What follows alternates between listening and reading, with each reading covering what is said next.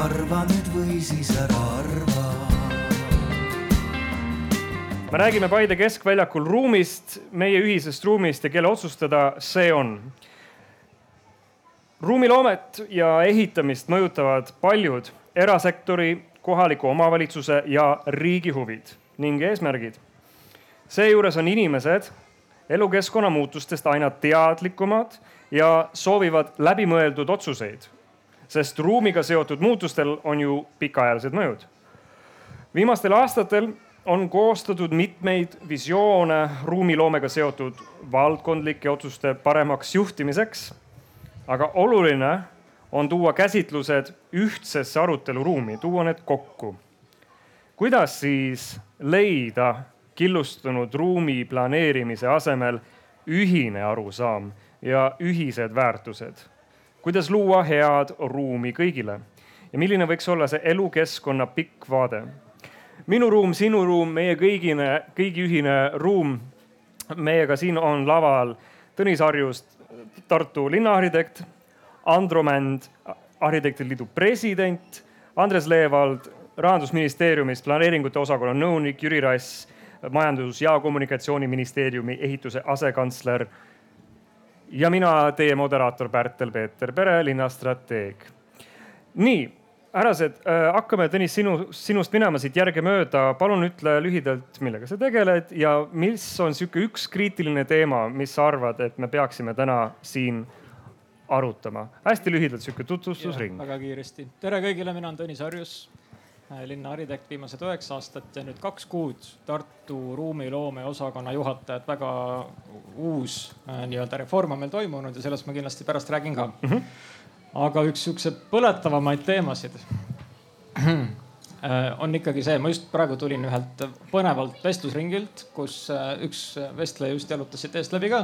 Linnapea kandidaatide debatt oli. kas see oli, kas räägiti kohalikest valimistest, kohalikest räägiti, asjadest? räägiti kohalikest asjadest ja, ja seal oli siis linnapea kandidaat erinevatest linnadest debateerisid ja mida ma nägin, on tegelikult see, et linnaruumi teema on niivõrd kompleksne, ta on mm -hmm. niivõrd põrkuvate huvidega teema ja ka seal debatis me nägime, et meil on vaja, meil on vaja selgitada äh, ka poliitikutele, kui kompleksne see on ja kust need tegelikult asjad kokku saavad. seal tuli jutuks rohepööre ja see ilmestas minu arust väga hästi, kuidas äh, justkui inimtegevus on äh, kahjulik ja, ja tuleb luua ainult rohealasid ja, ja see oligi siis rohepööre aga meie täna räägime siin kindlasti palju põhjalikumalt ja, ja sisukamalt, et mida siis rohepööre ka tähendab. räägime linnaruumist, komplekssusest, kohalikest valimistest või selle kontekstis ja kuidas rohepööre on natukene komplekssem asi samamoodi. Andro, palun. tere ka minu poolt, mina olen Andro mina juhin arhitektide liitu. vist ei toimi? mikrofon. nii, proovi. okei okay Eh, ehk siis eh, Eesti Arhitektide Liit on eh, üks väheseid institutsioone Eestis, kes tegeleb avaliku huvi kaitsmisega just linnade planeerimise aspekt, aspektis. sest paraku Eesti riik ei ole kolmekümne aasta jooksul jõudnud oma arengus lääneriikidele selles mõttes järele, et, et riigi tasandil vastavad struktuurid institutsioonid luua nüüd võib-olla remargi korras äh, siin eelpool mainitud äh, arutelule, mis just äh, siin pool tundi tagasi lõppes mäe peal, siis jah, et see tõesti näitab, et meil on ühiskonnana veel pikk maa minna ja tõesti, et kui rohepöördest räägitakse, siis hakatakse rääkima parkidest ja puudest, et noh, mitte see, et rohepööre on tegelikult, see on kogu majandus, haridus, see on kõik, kõik, see on väga suur ja lai valdkond et aga noh, selleks me siin kõik oleme, et seda nii-öelda teemat äh, lahata ja arendada. Ja noh, võib-olla see nii-öelda see põhisõnum äh, Arhitektliidu poolt võiks olla see, et meil on riigis vaja rohkem tervikpildi nägemist ja nii-öelda riigi kui terviku äh, haldamist äh, ja noh, mitte ainult nagu visiooni, aga tegelikult ka sihukest nagu jah, tervikpilt võib-olla on nagu see kokkuvõttev sõna just planeeringute osas. väga hea, Jüri. Tere ka minu poolt, minu nimi on Jüri Rass, ma olen Majandus-Kommunikatsiooniministeeriumi ehituse asekantsler. ja iga kord, kui ma olen äh, pidanud esindama, ma räägin natukene enda tagapõhja ka, et saaks aru, kuidas mina võib-olla mõtlen või, või mis, mis, mis, mis, mismoodi ma tegutsen. et oma suurema osa elust olen ma olnud eraettevõtja, suhteliselt edukas arhitektuuri ja inseneribüroo ja nüüd viimased neli aastat olen ma siis ehituse asekantsler, kantslerina töötanud ma arvan, et ma tean väga põhjalikult eh, ehitusest ja, ja arendamisest ja projekteerimisest, arhitektuurist. ja hästi tore on tegelikult eh, noh, nii-öelda ka jälgida natukene, mismoodi toimuvad otsused või mismoodi eh, sünnib edasiliikumine, areng eraettevõtluses ja mismoodi need asjad käivad nüüd riigi tasandil. ma ei taha öelda mitte midagi halba riigi, riigi osas, me oleme tegelikult hästi paljude asjadega hakkama saanud aga siit on vaja kindlasti edasi minna. minu esimesed asjad olid ehituse digitaliseerimine, ehitusregister ja muud niisugused asjad, ehituse mm, tootlikkus, selle tõstmine ja üha rohkem ja rohkem, üha varsti me jõudsime küsimusteni, et küsimus ei ole ainult mitte tehnoloogias või tehnikas, vaid asi on kultuuris. Et kuidas muuta ehituskultuuri niimoodi, et asi oleks tõesti tõhus, hea ja me looksime ja mõtleksime parima ruumi peale.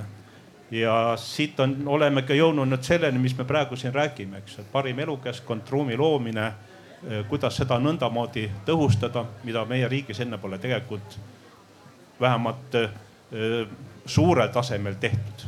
ehk arhitektid on sellest rääkinud. Aga see on siis minu idee ja visioon ja mõte, miks ma miks ma nii siin istun kui ka selle tööposti peal olen. väga tore, aitame seda lennutada siis äh, kõrgemale orbiidile. palun. nii, tervitus ka minu poolt, minu nimi on Andres Leevald, olen nüüd juba kaheksa aastat äh, planeeringute osakonnas. kui ma tööle kutsuti, siis kutsuti mind siseministeeriumi planeeringute osakonda koostama maakonnaplaneeringuid üleriigiline planeering oli äsja valmis saanud, aga need tulid nagu valada siis ka need äh, riigi planeeringuna maakonnaplaneeringuteks. ja noh, selle, sinna läks tegelikult oma kuus aastat, enne kui viimane nendest äh, kehtestati. ja see oligi see aeg, kus hakati rohkem rääkima nii sellest kahanemisega kohandamisest kui ka kui ka sellest, et eks ole, et meie elukeskkond on, on väärtus omaette, selline väärtus, mida tuleb hoida ja edendada ja, ja, ja ka linnaruumi eh, probleemid ja väljakutsed olid ka, on ka fikseeritud selles eh, maakonnaplaneeringus. nüüd on jõudnud see kätte see aeg, kus kuuskümmend üks kohalikku omavalitsust koostavad üldplaneeringuid ja nüüd on jälle nende juhendamise aeg, et eks ole, kuidas nad saaksid selle, need, need juhised sealt, sealt oma, oma üldplaneeringutesse ja just nimelt sellisel kujul, mis on neile vastuvõetav ja, ja, ja ka poliitiliselt kokku lepitud oma, oma territooriumil. ja see protsess praegu kestab, olles selle keskel, on üks väga huvitav aeg. nii, lubage, teie olete selle valdkonnaga kõik põhjalikult tegelenud, lubage olla minul sihuke tõlk või teaduse populariseerija, et kui ma proovin nüüd alustada seda vestlusringi siin paari üldise sihukese remargiga, et linn on meie kõigi ühine eluruum, kui me võtame nüüd linna, tuleme maakondlike planeeringute juures korra tagasi. et linnas on, elavad inimesed, seal käiakse tööl, seal käiakse läbi, seal toimub palju asju, aga linn on meie kõigi ühine eluruum, avalik ruum, kõigil on seal õigus viibida turvaliselt seal, käia koolis, tööl ja nii edasi. ja kõik me seda ka kujundame, me, meie kõigi roll on seda kujundada ja selles osaleda nüüd see kõlab võib-olla mõnevõrra abstraktselt, aga, aga nii ta on, et meil on kõigil õigus kaasa rääkida ja me kõik peame kaasa rääkima, olgu selleks valimistel valima minemine või, või äh, detailplaneeringute tutvustamine, arutelud uute teede, mille kõige iganes üle. selline kaasamine, sõna, mis on meid kõiki arvatavasti moel või teisel kuidagi väsitanud või meile tundub, et see on võib-olla ülekasutatud, aga aga ruum on meil ühine ja seda kõike me peame kuidagi ühiselt hooldama. ja kohalik omavalitsus on nagu inimesest kuidagi see järgmine aste. Tõnis, sa ütlesid, sa tulid ja käisid vaatamas seda linnapeade debatti. et äh, tõsta meid siis nagu sellele kõrgusele, et mis seal räägiti, et me saaksime kuidagi ühise platoo pealt siit nagu edasi minna, sest me jõuame kohalike omavalitsusteni oma arutelus niikuinii. et mis mulje sulle see siis lühidalt jättis, et kui palju meil noh, minna siis on, et kuidas kohalike valimise aastal linnapeade kandidaadid mõistavad seda teemat, mis see kokkuvõtvalt see mulje on äh,? ma, ma, ma kokutan nüüd ma toon ühe näite. ma hoiatan veel ette, et kui keegi kuulas mind ka hommikul äh, kell kaksteist ühel teisel laval, siis ma võin mõnda sama nalja teha ka, aga see on vajalik, sest see illustreerib hästi. ja üks seesama nali oli see, et kui ma üheksa aastat tagasi kandideerisin linnaarhitektiks, äh, siis äh, ma kasutasin sellist mõistet intervjuus nagu avalik ruum. ja intervjueerija, kes oli abilinnapea, küsis minult, et mis sa mõtled selle all, mis see on? me olime sellises hetkes, kus me pidime rääkima, mis asi on avalik ruum ja, ja siis ma rääk-, siis ma seletasin, mis see on, mida ma sellega silmas pean, et me peame sellega tegelema, tänavad, pargid, haljasalad, inimeste ühine keskkond ja siis äh, mulle vastati, et ära muretse, sellega tegeleb teine osakond. Aga just nimelt see mõiste avalik ruum, millest me pidime toona rääkima ja mis on täna nagu absurdne, siis äh, täna äh, me oleme samas olukorras, kui me räägime sellistest mõistetest nagu rohepööre, mis on tulevikukestlik linn ja nii edasi ja nii edasi, sest nad on komplekssed küsimused Äh, ja see, mis me oleme läbinud nüüd siis avaliku ruumi puhul, mis on, ma arvan, et ikkagi oma murrangu enam-vähem ära teinud. ma enam, noh, põhimõtteliselt ma ikkagi arvan, et on. Kuigi me ikkagi kipume süsteemides lahterdama, eks, et ühe vastutusala lõpeb maja fassaadiga, siis tuleb see kõnnitee, siis algab vastutusala teises osakonnas tegeleb sõiduteega. et see probleem meil on endiselt. aga vähemalt Tartu näitel me oleme juba süsteemse muudatuse teinud ja, ja vot see kumas siis sealt vestlusest ka läbi, et me peame põhimõistetest rääkima kogu aeg, ka praegu endiselt, et meie siin võtame iseenesestmõistetavalt mingeid küsimusi linnaplaneerimispраktikates. ja, ja toodi näiteks seal välja ka mitte kestlikku kahanemist kui head näide, vaid pakuti välja ka kesklik, kesklikku valgumist, kesklikku valglinnastumist kui hästi hea praktika, mida praktiseerida. ma olin nagu täitsa šokeeritud, et meil on teatud elementaarsed äh, vead, mida me oleme linnaruumides siin äh, sada aastat teinud ja me nendest vigadest, kas tõesti pole siis ühiskonnana aru saanud. minu jaoks on see suur äratus ja see on hästi tähtis äratus. et äh, ära kunagi unusta rääkimast põhitõdedest, see võib, mul endal on seda kummaline teha, aga see on marutähtis, ikka, see on marutähtis äh,.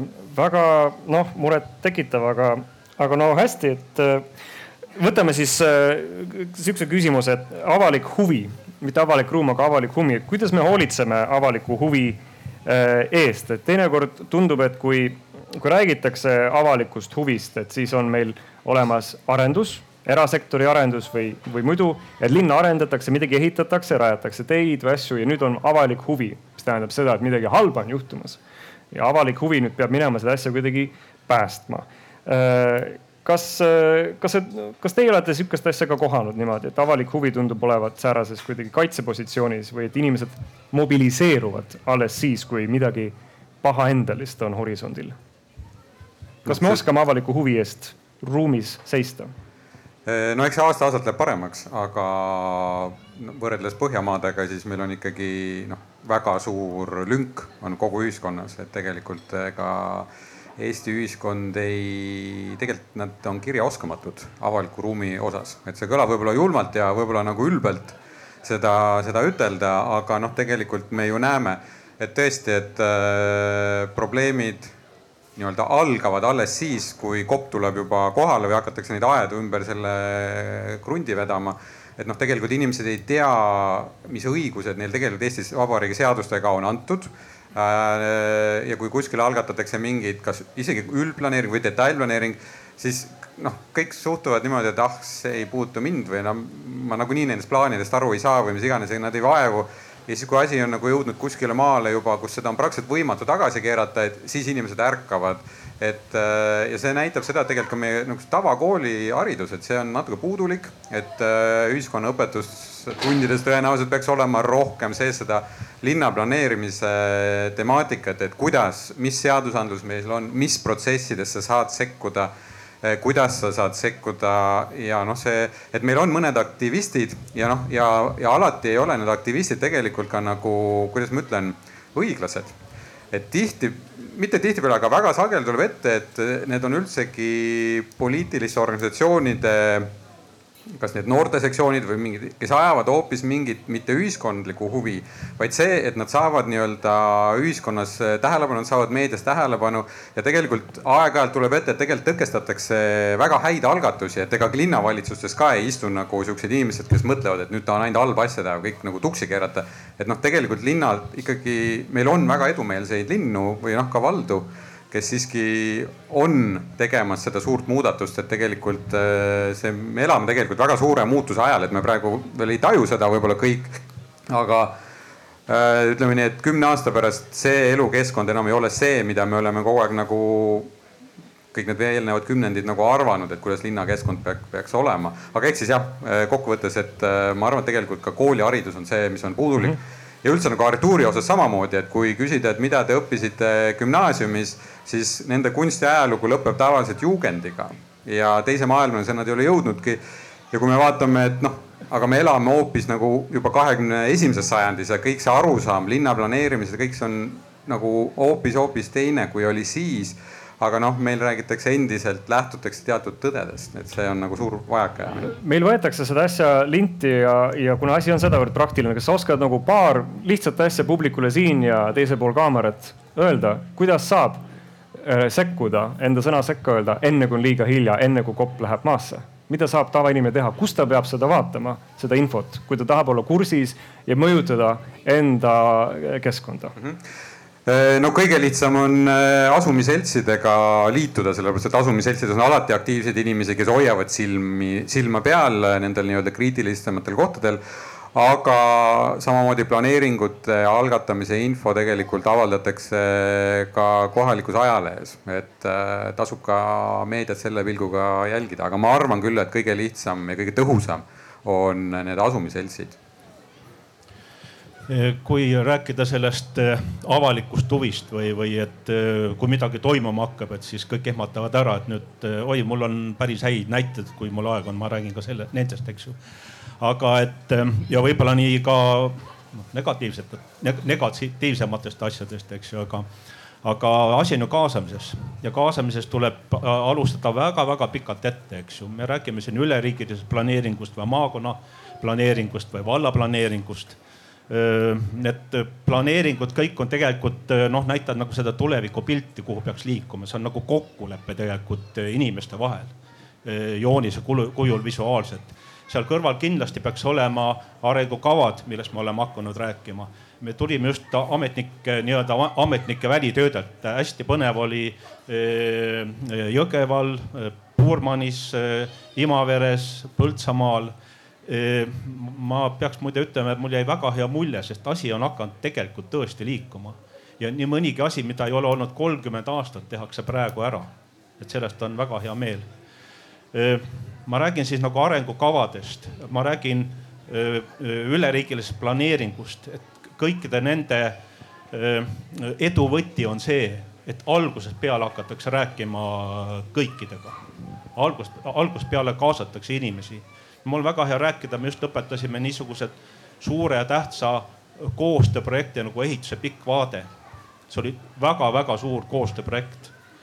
ta on äh, ka Vabariigi Valitsuse poolt vastu võetud, aga minu meelest tähtsam samm oli hoopiski see, et me äh, viisime selle kokkuleppe niisugusele tasemele, et avalik ja erasektor kirjutas nagu koostööleppele alla. ja meie järgmine samm on nüüd seda et, hakata ellu viima. et see kaasamine algusest peale, kasutades, ma ei tea, asumiseltse, nagu sa, Andre, rääkisid, kasutades digitaallahendusi, mis meie välja mõtleme, mida me oleme suutnud ka hakata ellu viima. et eh, see on ilmselt nende asjade võti on rõõmustav kuulda kahtlemata, et, et siis maakondlike planeeringutega kaasamine on hakanud tööle vot nüüd planeeringutest rääkigu need planeerimise inimesed, eks ju, mina äh, mina olen ehituse asekantsler, ma prooviks korraldada kõiki neid asju, et kui vastata küsimusele, et äh, kuidas me paremini teeme, siis me oleme välja mõelnud, kuidas me peaksime paremini tegema. lihtsalt, et saada nüüd nagu näpu peale õigele asjale, sa ütlesid, et kui sa käisid nüüd äh, Puurmanis ja mujal, et sa oled näinud, kuidas on hakanud see tööle kaasamine on hakanud tööle? jah, puhul? ja, ja näiteks noh, Imaveres ehitasid esimese maja üle kolmekümne aasta. Nad mõtlesid ja plaanisid seda kümme aastat ja nüüd on see teoks saanud. see on kõik väga edukas projekt olnud siin on küll riigi abi olnud, sest see on nõndanimetatud üürimajade programm, mida millegipärast räägitakse riigimajadest, riigiga pole seal muud mitte midagi seotud, kui riik andis natuke raha.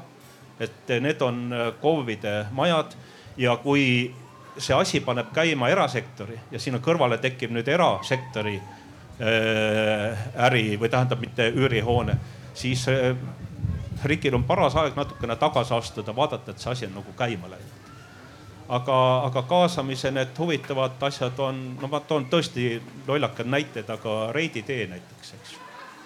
või siis äh, Tallinnas Mustakivi kivi tee pikendus äh, Piritani, eks ju. See peab olema kümned aastad teada, et see on seal olemas, see, see tee ots on isegi valmis asfalteeritud ja nüüd, kui hakatakse liigutama, siis inimesed küsivad, mis, mis, mis, mis siin toimub, mis siin juhtub. ma ei räägi mitte sellest teest, vaid ma räägin protsessist, mis on mis ei ole siiamaani olnud õige. aga jumala eest, ma ütlen, kõik need neli meest ja sina ka viis meest istuvad siin sellepärast, et saavad sellepärast palka, et mõelda, kuidas asja paremini teha, aga mitte viriseda, et noh, mis nüüd, mis nüüd oli. Andro rääkis ERM-ist ja Merko eh, Merko. täna veel ei ole jõudnud. Merko, eh, no justkui sa rääkisid mulle, eks ju. Eh, ja Merko arendusest seal, me läksime, sõitsime Tartusse läbi, see on õuduskubis tegelikult tõesti jah kuidas ERM-i taha otsa näed küll. see on saab, õnneks saab... võõras vald. ja, ja, ja sealt hakkabki pihta. mina ei ole süüdi. tähendab.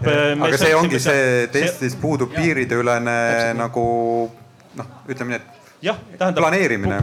puudub kokkulepe, üks teeb siin, teine alustab seal ja, ja, ja kuidagi nagu kokku ei ole nagu viidud asju. et Tartu vald paneb väga ilusaid maju, väga suuri arendusi Äh, arvestades sellega, et inimesed käivad Tallinn või vabandust, Tartus tööl ja Tartus lasteaedades ja, ja, ja koolides, eks. noh, ja seesama, mis sa mainisid, see reiditee ja noh, sinna, sinnasamasse kategooriasse läheb see Haabersti suur ringristmik, mis on maksnud miljoneid ja mida on tehtud nii Tallinna maksumaksjate kui ka Euroopa Liidu rahadega et see, see on jälle üks osa sellest, mis näitab, et äh, me ei planeeri riiki tervikuna, vaid me tegeleme lapitekiga, et iga omavalitsus teeb oma lapitekki ja kui me vaatame tegelikult seda Haabersti risti, mida maksavad Tallinna maksumaksjad kinni, seda ei ole Tallinna elanikele vaja. selle ainus põhjus on see, et on lubatud äh, valglinnastumist äh, Tallinnat ümbritsevates valdades ja ei ole aga samas selle valglinnastumise raames ei ole loodud piisavalt töökohti, koole, lasteaedu nendesse omavalitsustesse ja need inimesed tulevad Tallinnasse ja nende pärast peab Tallinna linn ehitama neid uusi suuri megastruktuure, mida tegelikult Tallinna enda elanike jaoks ei ole vaja. Ja see nagu näitabki seda, et meil puudub omavalitsuste piirideülene jah meil on see linnade-valdade liit, kes peaks seda nagu koordineerima, aga see paraku ei toimi nii ja seal on tegelikult väga suured puudujäägid ja see on sama on ka Tartus, sama on äh, Pärnus. no Pärnus muidugi peale omavalitsuse liitmist mingeid asju liideti nüüd linnaga, aga see need suured tükid nagu Sauga vald, kus on see suur valglinnastumine, see jäi linnast välja ja ikka nad pendeldavad. et noh, minu arust ideaalne hea näide on Kuressaare kui me vaatame Kuressaare, kõik, kes on Kuressaares käinud, teavad, et kui sa Kuressaarde sisse sõidad, siis seal vasakut kätt on suur kaubanduskeskus oli. no siiamaani on ja see, see sai ainult võimaluseks selle tõttu, et see oli toona teine omavalitsus, et ta ehitas täpselt piiri peale kesklinn tõmbab nii-öelda kõik kesklinna äridel on nagu e-, ellujäämisega probleeme, aga teine omavalitsus lubas seda teha. noh, nüüd on kõik on nii-öelda üks suur Saaremaa ja no vähemalt aasta-poolteist tagasi, ma tean, Kuressaare linn küll ütles, et, et sihukest, et ei tohi teha niimoodi Kuressaare linna serva enam suuri kaubanduskeskusi. no Rakvere on teine hea näide, äh, kus äh, no kui me vaatame kogu Lääne-Virumaa kõige suurem tõmbekeskus on mis, siis see on Põhjakeskus, mis ei asu Rakvere linna territooriumil, aga mis on Rakvere linna üks kõige suurem, linnaruumi üks kõige suuremaid mõjutajaid üldse. ja see on see, et äh, riik äh, nii-öelda tegelikult äh, noh, see ei ole doping, aga ütleme nii, et annab raha linnale, noh, seesama Hea avalik ruum äh, programm, mida siis Eesti Arhitektiliit koostöös siis riigiga teeb, ehk siis ellu äratada neid äh, ajaloolisi linnasüdameid, siis selle raames tehti korda see ajalooline Rakvere pikk tänav. Aga me näeme, et ärid kiratsevad seal, et, et nad ei jää ellu, sellepärast et elu on viidud linnast välja.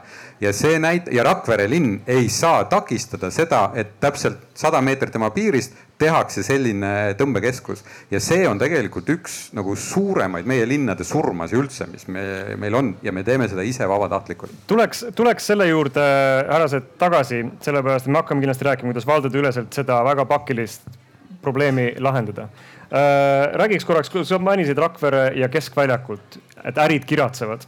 Ma kujutan ette, et väga palju tihtilugu mõeldakse niimoodi, et kui autodele pannakse mingisugune koht kinni või piiratakse autoliiklusele, Paide keskväljakut või Rakveres äh, et siis muretsetakse ka, et issand, mis siis juhtub äridega. Ja muidugi on poodnikud ja ärid mures, et kuidas kliente tuleb, kuidas ligipääsetavusega on aga ometi Tartus autovabaduse puiesteega on nüüd kaks suve järjest tehtud katsetust, midagi püsivat seal ei ole, aga äridele see ei ole ju mõjunud halvasti ega, sest on tulnud inimesi.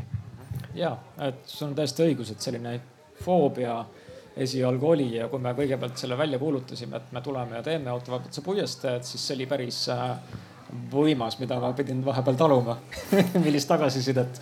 aga see ainult karastab mis olid need põhilised hirmud olidki, üks on see, et ettevõtlus sureb välja. teine oli see, et äh, liikluskaos tekib, linnad lähevad umbe ja Tartu läheb pankrotti tänu sellele. ja kolmas oli see, et äh, noh, et see on loll asi, et miks siukseid asju üldse teha, et siin on autotee olemas alates aastast viiskümmend seitse. ja, ja mis me siis nägime tegelikult, oli see, mida me eeldasime. hea avalik ruum Äh, ja tänu veel sellisele hästi võimsale kommunikatsiooni äh, osale, ehk siis me saime hästi palju kriitikat üle riigi äh, siis kõik tahtsid tulla vaatama, mis asi see on siis, mis nii palju kriitikat saab ja rahvas vooris Tartusse. siseturismi kasv üles. ja seda me nägime muidugi koroona, esimesel koroona suvel niikuinii üle Eesti. kes midagi kuskil tegi, siis inimesed kohe sinna läksid, sest väljapoole ju väga minna ei, saanud või ei julenud või ei tahanud. ja ja, ja siis teine teema, mida kardeti, eks on see mm, linna ummistumine ja selle tõttu ka pankrotistumine, sest keegi enam linna ei saa tulla. et seda me analüüsisime. hästi tähtis on, et kui sa midagi muudad, et siis analüüsid, sest lihtsalt kõhutunde järgi pärast öelda, et cool oli, sellest ei piisa. me hindasime siis seda äh, alternatiivseid marsruute, kust keegi pidi sõitma, kui tal oli väga vaja autoga liikuda läbi linna, mida ikka juhtub. et siis kõige hullem hetk selle kuu aja jooksul oli see, kui keegi istus autos viiskümmend sekundit kauem. ja see oli siis see maksimaalne negatiivne mõju. mõõdetud andmepõhine ja, asi. Ja, mm -hmm. ja, ja see oli üks sihuke tipphetk, kus ühel äh, ringristmikul oli veidi rohkem autosid. ja äridega ärituppi ei läinud? ja äridega juhtus tõesti siis nii, et äh, siit algatus veel üks huvitav projekt, et äh, ikka siuksed uued ettevõtmised tõmbavad ka ju konkurentsi vormis uusi mõtteid käima ja, ja vanalinnas siis sündis selline erinevate restoranide poolt algatatud äh, sündmus nimega Rüütli rist, mis on, toimub siis vanalinnas Rüütli ja Küütri tänava ristil. ja, ja, ja sinna siis needsamad restoranid tegid lisaks autovabaduse puiesteele veel oma algatuse kuidas sinna tuua rohkem inimesi, seal olid siis tantsuõhtud ja lauluõhtud ja muud sellist ja loomulikult üha rohkem tarbimist siis nendele kohvikutele, kes olid olnud pool aastat suletud. nii et äh, me saavutasime selle asemel et välja suretada kogu linn me saavutasime pärast kriisi sihukese boost'i just nimelt kohalikule ja väiksemale ettevõtlusele. Te tekitasite linna rohkem elu juurde, elu siis mõõdetavalt konkreetselt rohkem inimesi, kes seal kauem viibisid mm., rohkem tarbisid mm., mis omakorda siis tekitas seda, et tekkis nii-öelda teine klaster restorane, kes võttis sellest ideest tuld. eks siin ole ka see, et Tartu on teatud õnnelik, äh, õnnelik olukorra, õnnelikus olukorras selle tõttu, et me ei ole nagu eriline turismilinn. me oleme alati pigem nagu siseturismi pealt olnud ja lähiriigid. Äh, võrreldes äh, Tallinnaga, eks. Tallinn ikkagi sõltus sellest, et laev tuleb sisse, nad voorivad sealt läbi, ostavad kõike sealt ja sealt. ja, ja Tallinnal oli tõesti raske, eks. kogu see sektor kadus järsku ja sa ei suuda seda Tallinna vanalinna ümber defineerida kohalikule ja, ja siseturistile nii kiiresti. et Tall- või Tartu oli selles mõttes jah õnnelikumas positsioonis, et lõi valusamalt. no seda, see on julgustav. vähem valusam see on julgustav, autovabaduse puiestee on väga julgustav näide, et on tore näha, kuidas Eestis on ka ühes linnas hakatud tegema seda, mis on Põhjamaades ja teistes riikides, linnades äh, üha levinum ja levinum asi, et eksperimenteeritakse midagi ruumiga, et vaatame, kas see toimib või ei toimi. ning ja tehakse seda just autoliiklusega inimestele ligipääsetavama ruumi loomisega ja, ja nüüd on meil omast käest võtta siis loodetavasti paberil lugeda ka ühel hetkel võimalik, kuidas see oli positiivse majandusliku mõjuga, sest neid uuringuid me ju näeme teistest linnadest samamoodi, kus on tehtud sihukest asja, kas katsetuse või, või püsivalt. Et autosid vähem või mitte üldse ja rohkem, siis saavad inimesi rattaga, jalgsi ja muidu tulla, et siis läheb käive ülesse aga kui võib, ma ühte asja kommenteerin veel seoses selle ja avaliku huviga, millest siin oli jutuks. et äh, Äh, seda on võib-olla inetu öelda, aga autovabaduse puiestee oli äh, kaasamise ja demokraatia mõttes äh, ikkagi brutaalne ettevõtmine. ja see oli selle ettevõtmise võlu. Kui me oleksime teinud seal kuude kaupa eelteavitust, et oo, me paneme tuiksoone kinni kesklinnas, me oleks saanud kolm petitsiooni vähemalt selle vastu. lõpetage inimeste ahistamine Tartu kesklinnas ja, ja auto on vabadus ja progress ja kõik see, eks mm. -hmm et meie õnn oli tegelikult see, et meil oli vähe aega, kuna me ei teadnud, millal täpselt see ühiskond algab või noh lahti läheb, eks. ja me tegime selle suht sihukese pop-up'ina ära. Seda saab teha ajutise lahenduse puhul, püsivate lahenduste puhul, no niimoodi ei saa, eks. loomulikult tuleb rohkem rääkida. aga siin... siin oli sihuke, noh, see on sihuke. see on väike paradoks, aga täpselt see oli ajutine ja eksperiment ei teinud seda hiilimisi salamisi. palun. kumb nüüd, kumb nüüd ennem jõuab? no ma annan sulle siis sõna. okei ma ütlen lihtsalt äh, väikese siukse kõrvalpõikena et, et ei jääks muljeteks, et see kesklinnade elustamine, et see on äh, selline nii-öelda ainult autode teema või autode väljatõrjumise teema, et noh, tegelikult seesama Tallinna näide, mida Tõnis juba tõi et Tartus ei ole seda turistide teemat, mis Tallinnas on ja noh, kui me mõtleme Tallinna vanalinna peale, siis seal noh, autod on tegelikult noh, nad ei ole päris välja surutud, aga noh, jalakäijatel tegelikult on eesõigus. aga me ikkagi näeme, et Tallinna vanalinn noh see nagu linna toimimise mõttes tegelikult kiratseb, et see ongi sihuke turistidel tegelikult on muutunud nagu sihukeseks teemapargiks, et ta ei ole enam nagu elus linn ja, ja kui me vaatame, et noh, et mis nüüd koroona ajal juhtus, kõik restoranid äh, noh, hakkasid pankrotti minema, inimesi ei olnud. aga kui me vaatasime nagu, et kuidas nagu teistes linnapiirkondades, kui me vaatasime, mis toimub näiteks Telliskivis, siis Telliskivis oli, et noh, tõesti, et kui, kui oli mingi lauskeeld, siis muidugi, aga muul ajal need kõik kohad olid ikkagi rahvast täis, inimesed läksid sinna sellepärast, et seal käisid kohalikud inimesed ja vanalinn kiratses sellepärast, et see on aastate jooksul samm-sammult on tegelikult kohalik elanikkond sealt nagu olnud teisejärguline välja surutud. ja kui me mõtleme Raekoja platsi peale, siis no ma ei tea, kõik istute siin, siis mõtelge, mis on Raekoja platsil puudu. tegevused? ei, seal ei ole pinke mm., seal ei saa tava, sa pead tarbima et ja. kui sa oled Raekoja platsil, siis kui sa tahad istuda ja olla seal, sa pead minema ja ostma midagi. ja see, et seal ei ole pinke, see on olnud nende kohvikute ja restoranide pidajate lobi Tallinna linnavalitsuses eh, aastaid ja nüüd, kui see koroona oli käes, no siis nad said nüüd omal nahal nagu tunda, et mis juhtub, kui sa nagu surud seda tavaelu ja tavainimest, tava nagu tavalist linnaruumi või noh, mitte linnaruumi, aga sihukest nagu linnaelu surud välja. Ja see oli see tulemus. Ja ma arvan, et ja ma paraku, mul ei ole erilist usku, ma arvan, et see koroonakriis saab mööda. Ja ma arvan, et Tallinna vanalinn läheb samamoodi edasi, et ma ei näe, ma ei ole näinud ühtegi sammu, mida oleks linna astunud, et see muutuks, et noh, kui me vaatasime, et kui koroonakriis algas, mida tegid nagu teised pealinnad Euroopas, noh. Vilnius pani vanalinnas autodele tänavad kinni, ka kesklinna alas ja ütles, et kohvikud saavad nagu teha väliterrassid, et nad saaks vähemalt eh, mingitki sissetulekut ja et nad saaks seda ruumi hõlmata Tallinnas sihukest asja ei juhtunud. tõsi, nad langetasid rendihindu, aga nad ei kasutanud nagu seda ruumi või nad ei kasutanud seda võimalust, et seda linnaruumi ümber mõtestada absoluutselt jah. ma nüüd oponeeriks natukene Tõnisele, et võib-olla sa tegid õigesti, võib-olla see asi kõik nüüd sellepärast ka sündis, eks ju. see autovabaduse puiestee, aga ma siiski oponeer, op, oponeeriksin ses mõttes, et kas see oli õige nõndamoodi tekitada tähendab linn ja ruum peab äh, arenema harmooniliselt äh, arvestades te, teineteist. ma arvan, et äh, samamoodi on mingid õigused ka autojuhil, autojuht versus jalakäija, jalakäija või autojuht versus, versus rattur. et mul on nüüd natukene provokatiivne rääkida, sest minu enda ülemusminister on Taavi Aas, kes tol ajal oli Tallinna linnapea. ja see oli õuduskuubis, kui nad ühe päevaga tekitasid Tallinnasse väga õige asja, aga ilma, aga ilma kommunikeerimata bussiteed. ma mäletan, kuidas ma sõitsin ja kuidas me kõik sõitsime Tallinnas esimest korda ja mööda neid samu teid, kus enne olime me harjunud sõitma, nüüd olid nagu bussirajad pandud, eks ju. et me peame lähtuma sellisest heast asjast, mida on arhitektid välja mõelnud ja planeerijad. Need on kvaliteetse ruumi aluspõhimõtted. et need kõik peab olema harmoonias tegelikult. et seal peab olema nii liikuvus, seal on mingisugune kaksteist punkti, eks ju. et teeme nii, et need on head algatused mõlemad olnud, aga pigem mõtleme, plaanime ja räägime nendest kauemat aega ette, kaasame kõik, kaasame.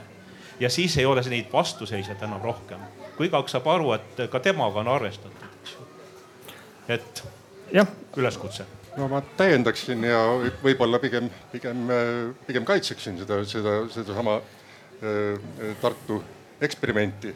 Selles mõttes, et eks ta eksperiment oligi ja, ja nagu, nagu juttu oli, et, et kui oleks seda kavandama hakatud nii sellise püsilahendusena sellisel kujul, siis oleks olnud neid petitsioone ja, ja, ja võib-olla meeleavaldusi õige palju. aga eks, eks olegi mõnikord vajalik ruumides, ruumis teha katsetusi, et mis asi töötab, mis asi ei tööta ja, ja, ja selleks, et jõuda mingite pikaajaliste, pikaajaliste lahendusteni, milles, milles ollakse suutelised siis juba kokku leppima. aga selleks tuleb, tuleb ka noh, teised, teised võimalused nagu läbi töötada ja, ja, ja läbi katsetada. noh, näiteks Tallinnas jällegi võttes nüüd, võttes nüüd, eks ju Tartu, Tartus, eks ole, seesama autovabaduse puiestee on töötanud, Tallinnas on ka sellist eksperimente tehtud, see on, see oli vist aasta oli kaks tuhat üksteist vist ja merepuiesteel, eks ole, et ja mis tegelikult oli ja oli päris tore, ainult et kadus ja, ja, ja pärast seda sellist, sellist aktsiooni enam ei ole olnud. kahjuks ei ole ka sealt midagi, midagi püsivamat külge jäänud Mhm. no äh, noh, nagu Tõnis ütles, see oli pop-up ja ma ka igati leian, et noh, pop-up'ide puhul tõesti, et see pikk äh, planeerimisprotsess ja et noh, see tegelikult tapab selle pop-up'i ja innu ära, et noh, ma olen nõus äh, Jüriga, et kui on ikkagi mingid püsivad asjad, siis seal tõesti tuleb neid jälgida, aga pop-up'ide puhul ja ma leian, et see on tegelikult äh, sihuke väga tänuväärne ja kaasaegne tegelikult linna planeerimise meetod.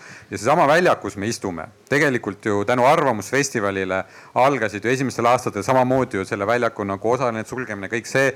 ja see oli nagu väga hea lähtematerjal tegelikult sellele Paide keskväljaku võistlusele. ma ei tea, palju teid siit Paidest kohalikult on, ma kardan, et kõik on üle Eesti siia kokku tulnud ja Paide inimesi siin ühte ma näen, kes siin ühel arutelul ütles, et on Paidest aga. leidsime. ei, ei, ei, ma ei ütlegi, ma lihtsalt tahtsin ütelda seda, et äh, tavaliselt kohalikud inimesed ei tule nagu oma linnade arutelusid üldse nagu kuulama ega see aga ma räägin just, et pop-up, pop-up'id on võimalik tegelikult suunata linna arengut ja vaadata, et no mis toimib, mis ei, mis ei toimi ja tegelikult ka inimesi harjutada sellega, et teatud muutused on vajalikud. aga mis ma tahtsin ka ütelda veel, et noh, et äh, üks asi on see, et äh, sa teed selle asja ruumiliselt valmis aga tegelikult äh, sama oluline on see, et see tuleb ka sisuga täita ja Tartu on seda õnneks teinud, et seal on nagu kõik see ürituste programm ja see, sest noh, arhitektide liiduna me näeme, et me teeme neid keskväljakute uuendamise, arhitektuurivõistlusi ja kõike, me võime saada väga hea nagu ruumilise lahenduse. aga kui kohalik omavalitsus ei hakka seal läbi ise, noh, nad alguses peavad nad ise hakkama korraldama, lõpuks peaks jah muidugi nagu see avalik sektor või noh, mitte avalik sektor kõik need asumisseltsid peaks ka kaasa tulema, hakkame seal oma üritusi läbi viima, aga noh, linn peab andma selle tõuke. no me näeme, et tegelikult Eestis on mõned keskväljakud, mis on läinud super hästi tööle kus on kogu aeg üritused ja see on selle linna elavdanud ja me näeme, kuidas on hakanud arendajad selle väljaku ümber olevaid maju renoveerima ja sinna ärisid tegema ja noh, linna süda on läinud ellu. näiteks? Elva suurepärane näide, kuidas saab tühjast kohast teha väga hea, sellepärast et seal oli enne oli noh Võsa ja keegi ei kujutanud seda ette linnakeskusena, tegelikult geograafiliselt asus linna keskel, aga elu oli mujal ja see, kuidas nad on suutnud seda järve ja kõik selle ühendada ja see on nagu väga hästi läinud äh, töösse. ehk siis jah, et lisaks ruumile tegelikult on ka see nagu sisuprogramm, mida linn peab nagu oma avalikus ruumis korraldama, läbi viima ja see käib ka ilmselt Tallinna vanalinna kohta. et seda ei saa jätta lihtsalt nagu, et ärid peavad ise seal tegutsema. anname Tõnis sulle ühe vasturepliigi võimaluse, et sa saad ennast kaitsta. kuna mind op oponeeriti jah. jah, ja siis proovime demokraatia, võime tulla autovabaduse juurde tagasi, aga proovime siis ka edasi minna. palun, Tõnis. ja, ja tervitame Elva juhte ka kes on väga tänulik nende kiidusõnade eest kindlasti ma, ma tõesti ei näinud, mul mikro see kõlar on ees nii.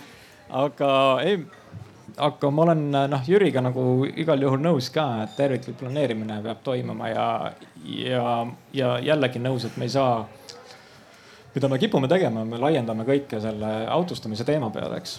ja nagu sa tegelikult väga hästi tõid näiteks, mis on autovaba kesklinn, on Tallinna vanalinn.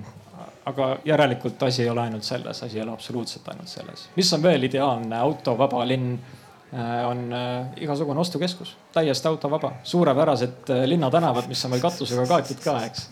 aga, aga tema mõju ühiskonnas ja see, mis on siis selle ägeda linna ümber et äh, tegelikult see oht on ka linnades olemas. just nimelt, et kui me ei mõtle terviklikult linna kujunemise peale ja, ja me äh, liiga populistlikul ja kiirel moel peaksime moodustama autovabasid kesklinnasid, mõtlemata kogu terviku peale, siis mida me teeme? me teemegi selliseid Disneylande lihtsalt juurde. et selles mõttes väga-väga õige point. aga mida me võitsime sellest äh, ehmatusest, on see, et äh, noh, siin on see põhikommunikatsiooni äh, probleem, mis alati Äh, kui me ette nämmutame mingit sellist uut plaani, mida keegi pole kunagi näinud, siis inimene ei suuda seda uskuda, et see päriselt läheb tööle. ja, ja kui me selle ürituse nüüd läbi viisime, viisime arvamusuuringu läbi, siis äh, ligi nelikümmend protsenti inimestest ütles, et sihuke asi võiks aasta ringi olla. Kuigi meiegi ei tahtnud seda aasta ringi teha.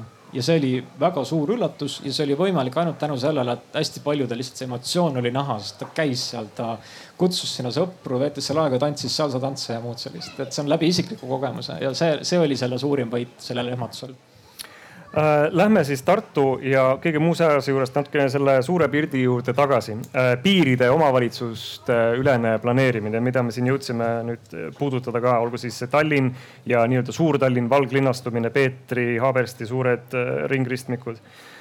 Tartu versus siis Tartu vald, Pärnu.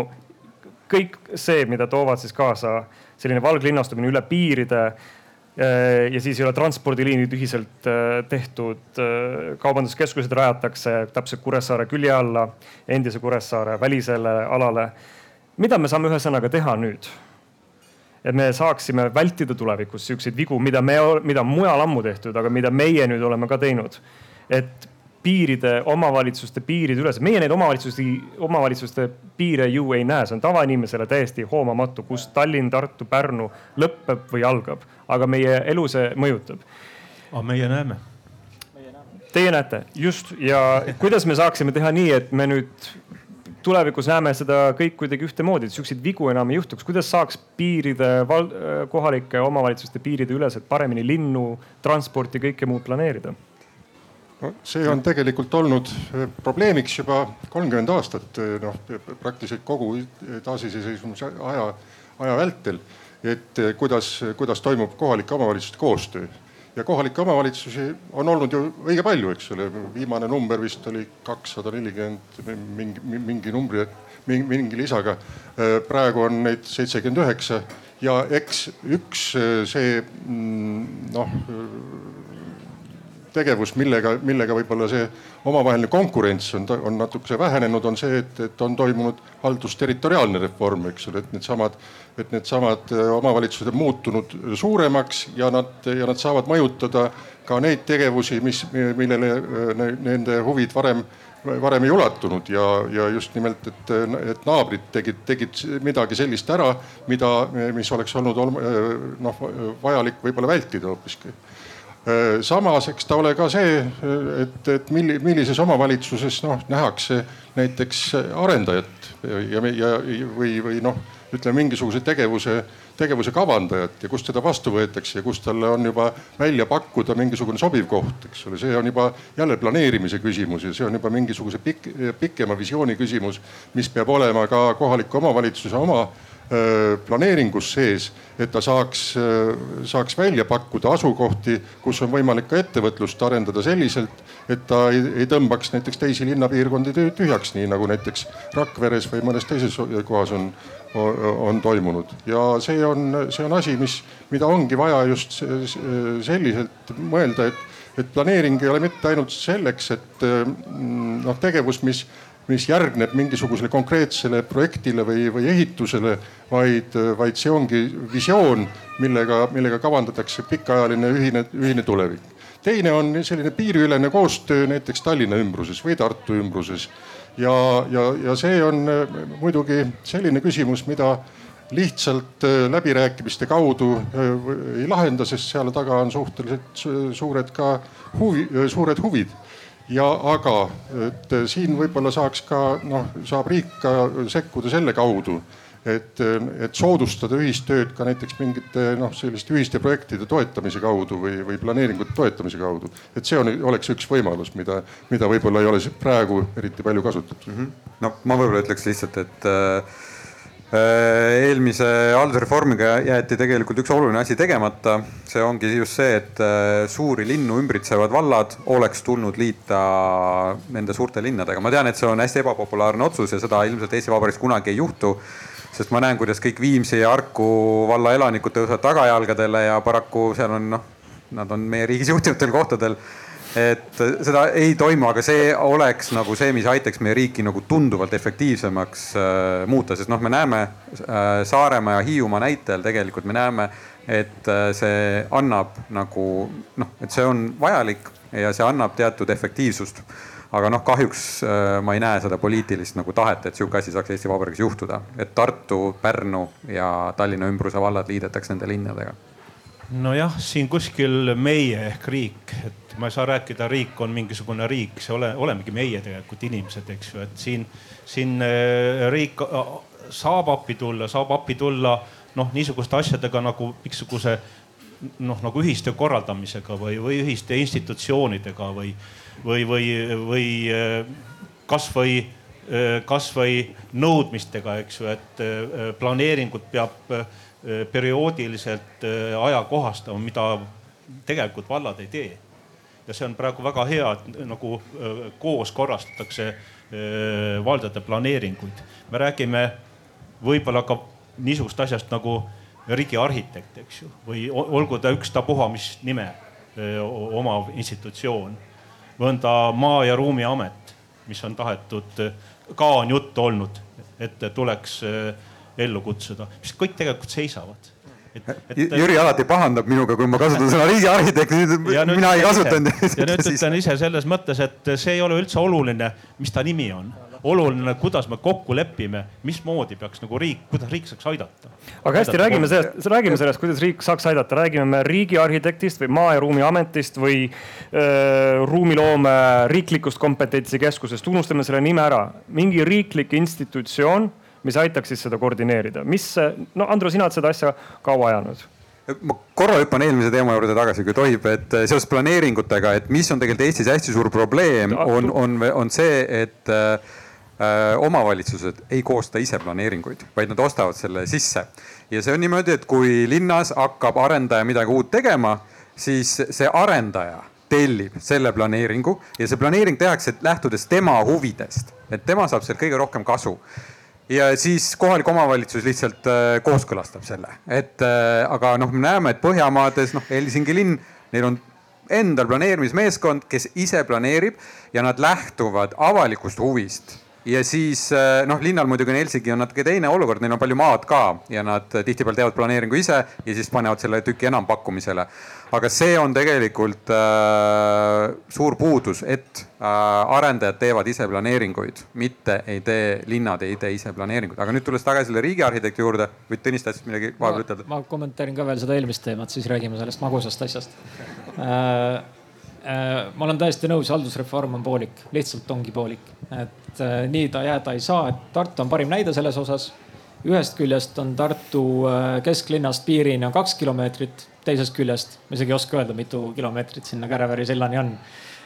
ja see on ilmselgelt ebaloogiline moodustis, kui võib nii öelda.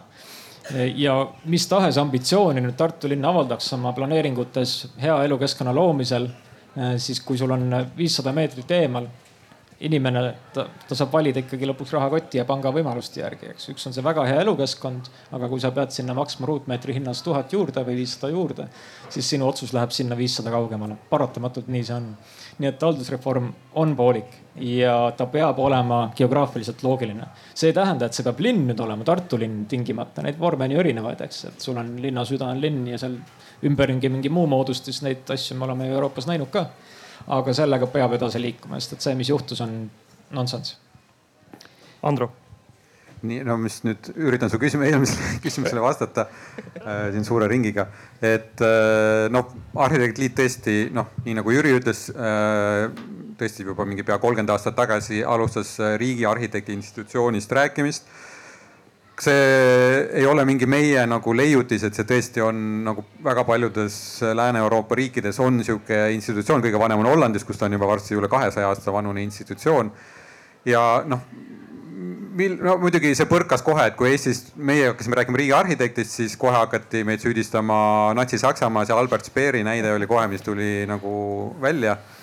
Keegi süübinud nagu, millest me rääkisime, noh ja see ongi nagu see, mida tegelikult siin juba enne räägiti, et kommunikatsiooni tähtsus. et äh, me ei selgitanud piisavalt, mida see institutsioon endast kujutab. et see ei ole see, et riik teeb nüüd büroo, kus hakatakse projekte nagu hakatakse reaalselt projekteerima.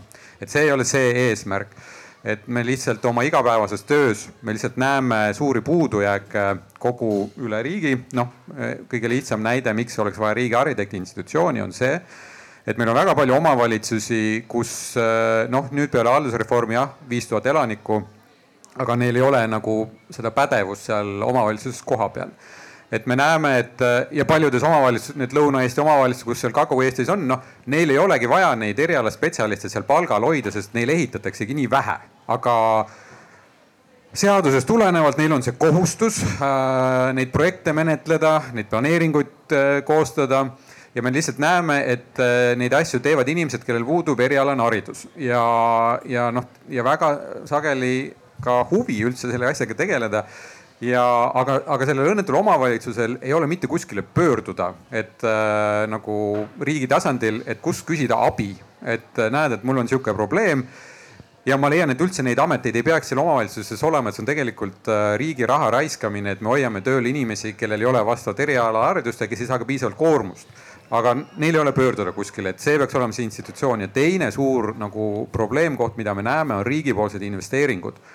Et hetkel äh, keegi ei vaata neid investeeringuid nagu tervikpildina, et iga ministeerium äh,, kui ta midagi kuskil, riik on tegelikult äh, väga suur nagu nii-öelda arendaja, et noh, ka siinsamas Paides kiriku taga ehitatakse teile uut koolimaja, see on, see on riigi, see ei ole linna ehitatud asi see noh, ka keskväljakute programm tegelikult noh, seda jah, enamus tuleb omavalitsuse enda taskust, aga riik ikkagi toetab seda ja noh, kõik need uued riigimajad need uued riigiametid, mis viiakse pealinnadest välja no, noh, kõik riik ju toetab neid asju ja kui me vaatame, et kuidas neid ehitatakse, siis ongi, et haridusministeerium, kui ta hakkab tegema uut koolimaja, siis ta vaatab, milliseid, millist kinnisvara ta omab ise seal kohas. et kuidas tal on kõige lihtsam, soodsam Exceli tabeli mõttes. ja noh, kuna me oleme Paides, siis noh, see Paide gümnaasium on ideaalne näide, kuidas noh, eks te kõik olete lehest ilmselt ka lugenud seda suurt draamat ja asja. Mis teil siin nagu toimub äh, selle uue asja üle, noh ja riik nägi ette, et see peab tulema sinna ringtee äärde sellesse nõukaaegsesse äh, kutsekasse, mis on tehtud tüüpprojekti järgi ja mis ei lähtu mitte kuidagi tänapäeva nagu kooliruumi ja tänapäeva hariduse vajadustest ja mõtetest ja noh see pidi lihtsalt ja ka kuna ministeeriumi omas see oli lihtne ja ka samas, kui me noh, käime siin Paides ringi, me näeme, et siin on nagu iga teine maja on pooltühi, et kesklinn on nagu noh, kiratseb, noh, eks siin on põhjuseid mitmeid. ja noh, meie sõnum oli, et see peab olema siin kesklinnas, et see toob inimesi ja gümnasistid on need, kes siin seda elu elus hoiavad, aga see oli see, et ministeeriumil oli lihtsalt lihtsam. ehk siis ma tahan ütelda see, et riigi arhitekti institutsioon peab olema tegelikult see, kes vaatab ka riigi investeeringuid selle pilguga, kuidas need aitavad hoida kohalikke omavalitsusi elujõulisena, kuidas neid linnu uuesti aktiivseks muuta, mitte et iga ministeerium teeb ise otsuseid, kuna praegu riigi tasandil lihtsalt ei ole seda institutsiooni. ja noh, teine teema on see, et uuringute tellimine, kõik see et äh, just see omavalitsuste ülene teema, äh, analüüsid, kõik see. meil on tegelikult noh, väga palju on niisugust nagu teadmatust ka ja just uuringud, koolitused, kõik siuksed asjad on see, mis, millega see institutsioon peaks tegelema, aga ma saan aru, et Jüri tahab siin midagi juba tükk aega ütelda. ma kokatan nüüd ma arvan, et see nõndanimetatud riigiarhitekt on väga õige idee ja väga õige institutsioon ja väga vale nimetus et äh, kindlasti, kindlasti siit saaks kuidagimoodi nõndamoodi edasi minna, et asi kõigile sobib. et ta hakkas juba päris minema pärast seda riigi ruumiloome ekspertrühma tööd mis lõppes vist paar aastat tagasi. sealt tuli üks, ühe järelduse välja, järel, järeldusena välja, et jah, meil on niisugust asja vaja ja et Maa-ameti baasil võiks luua nõndanimetatud Maa ja Ruumiameti. Maa-amet on hästi tubli organisatsioon, hästi palju asju teinud ja, ja praegu ka noh, nii-öelda ehitajad, arendajad, projekteerijad kasutavad hästi palju seal olevat informatsiooni. aga Maa-ameti idee oli maareform. ja maareform on tegelikult noh, ammu-ammu otsa saanud, seal on mingid jupid jäänud, mis on tegelikult kaduvväikene, et, et, et niisugust asja edasi hoida. nii et see idee on, see idee ei ole surnud, see idee seisab, seda tuleb edasi liigutada. see on koht, kus äh, võetakse asju kokku, see on koht, kus äh, saab planeeringut abistada, see on koht, kuhu, kuhu võib helistada. see on koht, kuhu peaks liikuma ruumialane info, informatsioon. Äh, kas ehitusregistri e, e-ehituse baasil, planeeringute register planeeringute menetluskeskkond, et me saaksime võimalikult palju ja võimalikult tõhusalt kogu seda digimaailma hakata kasutama parima elukeskkonna loomiseks. No ütleme nii, et ja tegelikult ma arvan, et tunneli lõpus paistab valgus, sest et äh, arengud on viimase viie aasta jooksul äh, olnud ja noh, minu arust väga suur areng on üldsegi see, et siin istub praegu Jüri Rass, kes, sest kui me mõtleme, et kelle ametikoht, ehituse asekantsleri ametikoht Eesti Vabariigis loodi, mis neli aastat tagasi või?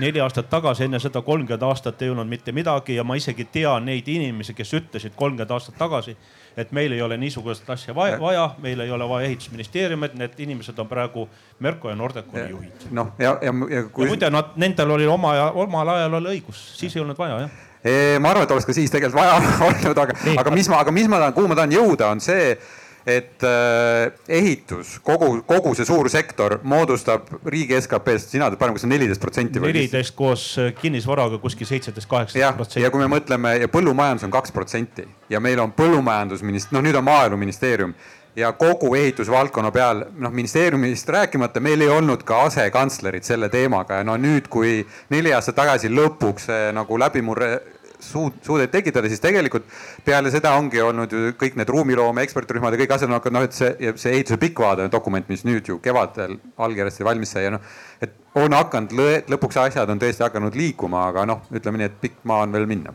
Andres, sa tahtsid lisada midagi? ma tahtsin ma enne pean tänama Androt väga hästi, Androt väga hästi selle asja eest. meil on kooskõla. ja, ja, ja tegelikult tõesti, kui natukene vaadata, siis see asi on hästi ligadi-logadi olnud, see asi on hästi laiali pihustatud et selle asja kuidagi kokkutõmbamine, see töö on grandioosne, mis veel ees ootab. noh, seesamane riigi arhitekt, mis on paha nimetus, Maa- ja Ruumiamet on parem, et oleks nagu päris hea asi. kui, kui me saame hea nime, siis tundub, et kõik muud suured tükid on vist paigas. Andres, palun et ma tahtsin öelda seda, et üks, see on päris selge, et eks ole, riigi eh, erinevad valdkonnad, erinevad ametkonnad peavad rohkem koostööd tegema ja, ja noh, selleks oli ka just nimelt eh, hea elukeskkonna ja ruumi, ruumi kvaliteedi nimel. ja selleks oli vajalik, olid vajalikud need tegevused, mis on praegu läbi käidud ja kuhu see nüüd suubub, eks ole, et praegu on teatud tagasilööke toimunud, aga noh, eks neid erinevaid võimalusi ole veel ja, ja see ei ole, see ei ole veel lõpp, eks ole, see on ainult ühe protsessi üks üks, üks, üks noh, niisugune vahe, vahe, vaheseis. aga see nagu iseloomustab tegelikult laiemalt sellist koostöökultuuri riigis üldse ja, ja mitte ainult, eks ole, see ei puuduta mitte ainult riigi oma riigi valdkondade vahelist koostööd, vaid see puudutab riigi ja kohaliku omavalitsuse vahelist koostööd, mis ei saa ainult toimuda, eks ole, selle selle kaudu, et eks ole, et ühel, ühed annavad suuniseid, teised täidavad, vaid peab olema pigem selline loominguline koostöö ja arutelud, arutelud, mis toimuvad nagu noh, mitte nii formaalselt nagu nad siiamaani sageli on olnud. teine on kohalike omavalitsuste omavaheline koostöö mille me rääkisime just sellest, eks ole, et nende piiriülestest planeeringutest ja, ja sellest, et see koostöö noh nagu lonkab, eks ole, et ta on, ta on pigem olnud konkurentsile suunatud kui, kui usaldusele ja, ja, ja, ja kokkulepetele. ja aga vaatame nüüd edasi, vaatame sellesama kohaliku omavalitsuse sisse, kuidas kohalik omavalitsus suhtleb oma kogukondadega ka seal ei ole alati see usaldus paigas ja seal ei ole, seal on see kahepoolne, eks ole, et ühtepidi jällegi kohalik omavalitsus peaks otsima nendega koostööd ja ärgitama neid õigel ajal, õigel ajal noh vaatama arengukavasid, planeeringuid ja, ja ütlema oma sõna sekka sel ajal, kui on see õige aeg sinna sõna sekka öelda, kui see on kõige mõjusam. teistpidi jällegi puudub ka kohalik või nende kogukondade omavaheline koostöö, igaüks sebib omaette, igal asumiselts on noh, nagu hu oma huvide eest väljas. selle tõttu jällegi, et nagu ka Puurmanis nüüd arutelul välja tuli, et, et mistõttu sellised avalikku huvi kaitsvad seltsingud tekivad, häda kutsub, häda ajab härja kaevu, eks ole, et kui mingisugune suur häda ähvardab, siis tullakse kokku ja hakatakse selle vastu võitlema, need on Nõmmede seltsid ja, ja need on Kalamaja seltsid ja muud. aga sellist, sellist seltsi tegevust või ühistegevust, mis nagu noh, oleks suunatud siis sellele paremale elukeskkonnale pikaajalisemas vaates Äh, seda sageli, sageli sinna ei ole, ei ole jõutud ja ka noh, see seisab kõik, kõik veel ees ja, ja, ja ainult niimoodi tegelikult jõuavad need, need formaalsed planeeringud ka, ka, ka lõpuks, lõpuks ellu, kui, kui noh, kõik ajavad ühist asja ja, ja ja mitte ei, ei täida ainult tingimusi, vaid, vaid tegelikult on nagu sära silmi selle eest, et, et, et luua pari, kõige, kõige paremat elukeskkonda kõigile ma sooviks, palun üks mark ja siis võtaks järgmise. ma tahtsin öelda nende seltsingute asjade puhul, aga seal on tegelikult muidugi üks oht on ka see, et äh, tihtipeale tuleb see not in my backyard tuleb mängu, et hakatakse võitlema no tegelikult hea asja vastu, mis on nagu ühiskonna mõistes on nagu vajalik ja hea e,. siis koondutakse lihtsalt nii-öelda see oma särk on lähemal kihule ja hakatakse võitlema teatud asjade vastu. aga et vältida sihukest lapiteki ja oma särgi lähenemist, siis kas ei ole mitte nii, et koalitsioonileppes on meil punkt, et on vaja luua parima elukeskkonna arengukava? et kas, kuidas on sellega asjalood, et äh, ei ole riiklikud valimised ka väga kaugel, et kas jõuab selle koalitsiooni püsides selle asja ära teha? Ja vot siin on väga huvitavad äh, mõtted. jah ta on praeguse valitsuse koalitsioonileppes. see oleks minu meelest hädavajalik asi ja ta töötaks väga hästi koos üleriigilise planeeringuga, nagu, nagu sai öeldud. planeering näitab ette natuke nagu tulevikupilti. kõik arengukavad näitavad nagu teed sinna, kuidas sinna jõuda. ta on koalitsioonileppes sees ja ta on sinna jäänud. kuidas ta sealt välja saab? ta ta, ta peabki seal olema. miks seda välja vaja saada? mitte välja, mitte välja, vabandust. oot, oot, oot, oot, oota, ma korra küsin, et sa kandideerid Reformierakonna nimekirjas, on nii? kas Reformierakond on otsustanud, et see läheb sealt välja või? ei, absoluutselt mitte, Reformierakond ei ole otsustanud, et see läheb sealt välja, Reformierakond seisab hea linnaruumi eest, aitäh, et sa selle tõid välja. aga see on, anna mulle andeks, aga need on sõnad praegu kõik ta no, seisab seal ja, ja mitte keegi sellega ei tegele. Et... ja, ja, ja, ja, ja me siin osa seltskonna inimesi väga palju räägib sellest, et miks ta nõndamoodi on. ta on väga hea asi ja, ja, ja seisab. kuidas ta ellu saab kutsuda, tahtsin mõelda, kuidas ta ellu saab kutsuda? siin on äh, kaks, riigis on nagu kaks tähtsat kuju. Äh, poliitik ja ametnik. üks nendest peab hakkama liigutama. et momendil on niimoodi, et poliitikud on kirja pannud, et seisma jäänud teisest küljest ametnikud on, osad ametnikud on pidurdanud asja. ja lõppude lõpuks see jutt, mis mina siin räägin, ei ole jälle mitte verisemiseks, aga lihtsalt äraseletamiseks, et meil on vaja seda tegema hakata. ja kui mõni ametnik on selle vastu, siis ta tuleb lihtsalt kaasata, ära rääkida, et see on vajalik. ja mida rohkem me aru saame, et ilma selleta meil need asjad ei liigugi. kuidas me saaks? ehk siis nii-öelda tuleb neid sõpru ja, ja kaaslasi juurde, kes ütlevad jah, tegelikult see on tõesti, teeme koos ära selle asja. no me siin kõik töötame selle asjaga. Eh, kuidas me saaksime keegi meist midagi teha esmaspäeval, et see asi hakkaks kuidagi, olgu poliitikute või ametnike poolt õiges suunas liikuma? no mu süda tunneb, et asi liigub sinna suunas. et neid, eh, neid kaaslasi on üha rohkem, rohkem hakanud olema et need, kelle, kelle teemaks on saanud arengukava, üleüldse see parim elukeskkond ja parim ruum, see on viimase kahe-kolme aasta sõna tegelikult tekkinud. nagu jutt on, et arhitektid on ehk sellest pikalt rääkida, aga ühiskond on hakanud sellest rääkima, et see on vajalik ja lõppu lõpuks siin istumine annab sellele kaasa. absoluutselt. kas äh, meil on ka publikust, me hakkame vaikselt otsi kokku tõmbama, sest kell on sealmaal ja siin saaks kindlasti rääkida kauemgi veel, aga kas mõni inimene publikust tahab ka miskit küsida või öelda, võite tõsta kaks kätt. nii, palun. Paide, Paide inimene. see tekitab alati elevust, kui me räägime et see, üldiselt see Paide maine on selline, et eriti seda häbenetakse. aga ma räägin, miks ma tulen. ma valisin Paide välja vanalinna peale. enne väsinud Torgemust. see on ainukene linn Eestis, mis on Eesti-aegne linn on räägitud.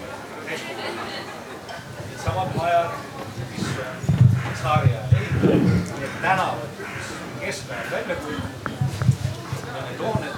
on enamus jaoks säilinud, ükski teine linn Eestis ei saa sellest unustada, et meil oleks selline komplekt see on kõige kallim ja selle peaks tasuma. ma juba kakskümmend viis aastat tagasi alguses olin ma mõtlesin, et inimesed on rumalad, et nad ei tea, et see on, see on nii väärtuslik. ja ma ostsin kinnisvara kokku ja olin kindel, et ma sellega kõvasti teenin aga tuleb välja, et ei teeninud. Aga, aga keegi seda ikkagi ei usu. kogu aeg räägin üle, et see on nii nagu näiteks Tallinnas on Tallinna vanarinn, see on keskmaja, see on komplekt.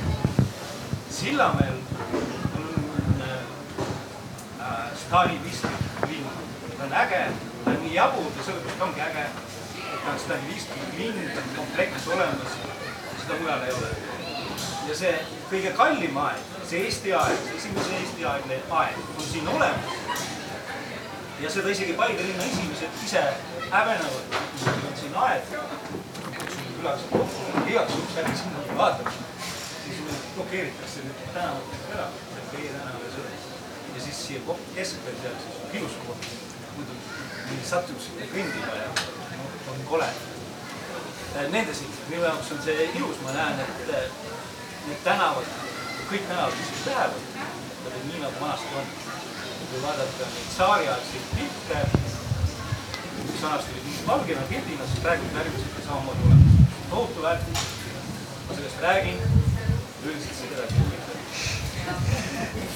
aga nagu arhitektide liit täna kohe, siin saan nagu kriitikat teha, siis tavaliselt mind see keegi ei kuula. kus kohas ei kuula? arhitektide liidus mina ei ole teiega Arhide Liidus kokku puutunud. kuula, kuula nüüd vähemalt. väga raske sisse saada. sisse saada, sa ütled Paidest, no öeldes, et Paidest ei saa aga selles ongi probleem, et see Paide arendamine käib nii, et mingi tükk või juht läheb, läheb ehitama või midagi arendama siis selle tüki peale tuleb arhitekt, teeb konkurss. konkurss on kinnine selles mõttes, et konkursis osalete ainult arhitektide liidu liikmed. ei, ma täpsustan, ei ole arhitektiliidu liikmed, sul peab olema arhitekti kutse. arhitekti arhitektide kutse on ainult arhitekti, arhitektide liidu liikmed. ja Paides kohapeal käima ei pea, sul peab olema sa pead olema seal teie liidus kirjas. ja ei, ei pea olema liidus kirjas. aga ma korra selles mõttes, et mul läheb muidu juba vastused meelest ära, et siin on nagu mitu-mitu teemat, et ma vahepeal siin vastan. et selgitada, kuidas avalikud arhitektuurivõistlused toimuvad, et äh, väga suure osa Eesti Vabariigist viib läbi RKS. Neil on tegelikult aastate jooksul tõesti tekkinud, RKS-i kritiseeritakse, aga neil tegelikult on see teadmised ja asjad tõesti tekkinud ja ka Arhitekt Liit viib konkursse läbi, aga kuna meie ei ole tegelikult tellija, vaid me pakume seda teenust ja ütleme nii, et kõik need konkursid, mida Arhitekt Liit ise korraldab, me ei ole, meil ei ole seda raha, et maju ehitada, aga erinevad äh, näituste projektid äh,, siuksed asjad, siis seal on vaba, seal saavad kõik osaleda. aga mis nüüd äh, puudutab seda, et äh, jah, ma saan aru, et äh, teie see point on nagu see, et äh, tavainimene ei saa nendel võistlustel osaleda siis ütleme nii, et need reeglid paneb paika tellija. Ja kuna Eestis on kutsestandardite süsteem, arhitektidel on erinevad kutsed vastavalt nende oskustele ja tasemele, siis tellija tavaliselt ise tahab seda, et tema saaks endale projekteerima inimese, kellel on projekteerimispädevus ja oskused. Ja, ja selle tõttu need, selle nõude, et kes seal tohib võistlusel osaleda, selle määrab tellija, seda ei määra arhitektide liit ja ütleme nii, et selles on tegelikult selles kutsesüsteemis ma näen probleemi, sellepärast et see tegelikult on välja surunud näiteks ka tudengid nendest äh, võistlustest. sest tellijad ei taha saada tudengeid, nad tahavad saada sihukest äh, kogenud tegijat, kes, äh, kellega ei, nad ei näe mingit ohtu ja probleeme. ja meie liiduna tegelikult näeme ka seda probleemi, et kui üheksakümnendatel ja ka nullindatel Äh, üliõpilased juba said edukateks, nad said omale bürood püsti panna, nad said omale võistsid, võitsid võistluseid ja nii edasi. siis nüüd tänu sellele uuele noh, mis nüüd enam ammu uus äh, kutsestandardisüsteemile, mis on tegelikult noh, sihuke üle-euroopaline süsteem peaks olema, paljudes riikides ei ole seda. Äh, siis see tegelikult me näeme, et surub tegelikult noori ka välja, et sellega on probleem. ma ei räägi nüanssidest, ma räägin, kuidas arhitekt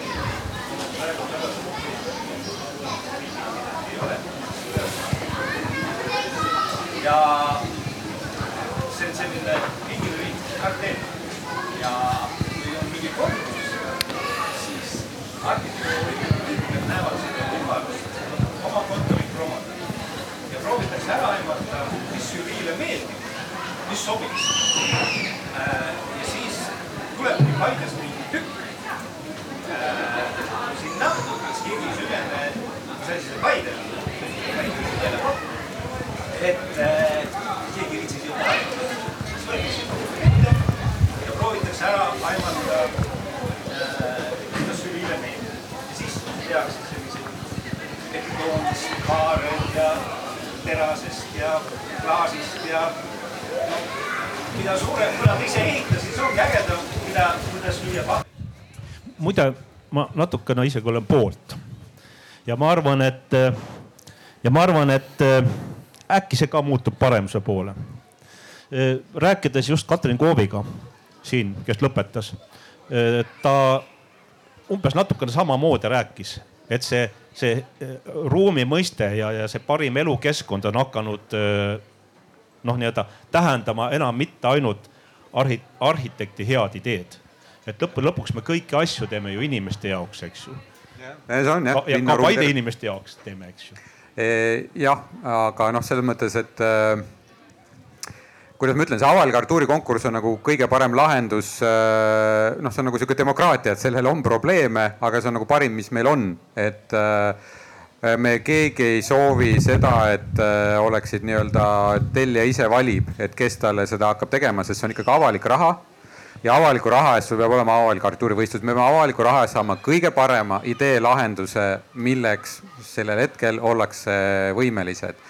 et äh, ma olen ikkagi seda meelt, et avalikud konkursid on äh, vajalikud ja ma saan aru, et teil on mingi konkreetne juhtum, ma küll ei tea, milline, sest tõesti, et Arhitektide Liidust viimase kahe aasta jooksul on läbi käinud äh, üle viiekümne konkursi, et noh, neid tuleb iga päev ja seda ma võin küll ütelda, et äh, enamus büroosid küll ei ürita žüriile meele järgi olla, vaid pigem valitakse, kuna võistlusi on palju, siis pigem kui on, vaadatakse, et on halb žürii koosseis, siis sellest võistlusest lihtsalt osa ei võeta. Või kui ei klapi nendeks maitsed žüriiga või mis iganes, et pigem on see niipidi. ma, ma ei tea, võib-olla teil on mingid teised näited, ma ei oska ma arvan, et lähme praegu sellega edasi, äh, sest me võtame ühe küsimuse veel ja siis võtame paneeli kokku ja te saate kindlasti siinsamas rääkida sellest edasi. ma olen kindel, et äh, saate äkki asjad aetud. sealt taga tuli, tuli enne üks küsimus, kas see on?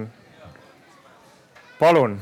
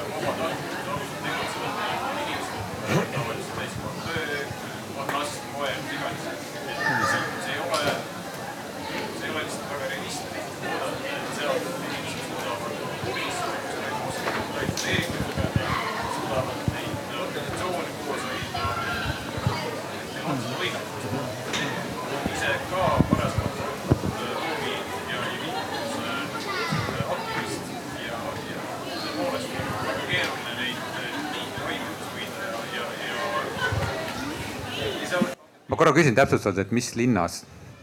Tartus okay.? tegemist on äh, Tartu linnavalitsuse ruumiloome osakonna liikuvusspetsialistiga nii, aga küsimus siis, et äh, mida saaksid, äh, KOV-id kindlasti peaksid tegema rohkem, et aidata inimesi kaasata. mina olen ka sellega kindlasti päri, aga milline see roll KOV-idel võiks olla, kuidas saaksid KOV-id aidata enda tegevusega kaasa, et olla läbipaistvad, kaasavamad, et, et tõesti see ei jää ainult kodanike, kodanike initsiatiiviks äh, kõige muu pere, elu, töö ja kõige muu kõrvalt. mis saavad KOV-id teha? E-, enne kui enne, Tõnis räägib, räägib oma, enne kui KOV räägib siis ma Nii. ütlengi, e, tõsi, ma olen nõus, et äh, see on tegelikult kohalike omavalitsuste tegemata töö aga tegelikult see minu eelnev jutt, äh, millest see välja kasvas, oli tegelikult see, et näiteks gümnaasiumid, kui neil on need igasugused ühiskonnaõpetuse tunnid või mis neil on seal et need näiteks gümnaasiumi õpetajad, nad peaksid kutsuma näiteks linnaarhitekti sinna tundi, et ta seletaks neile ja räägiks ja näitaks.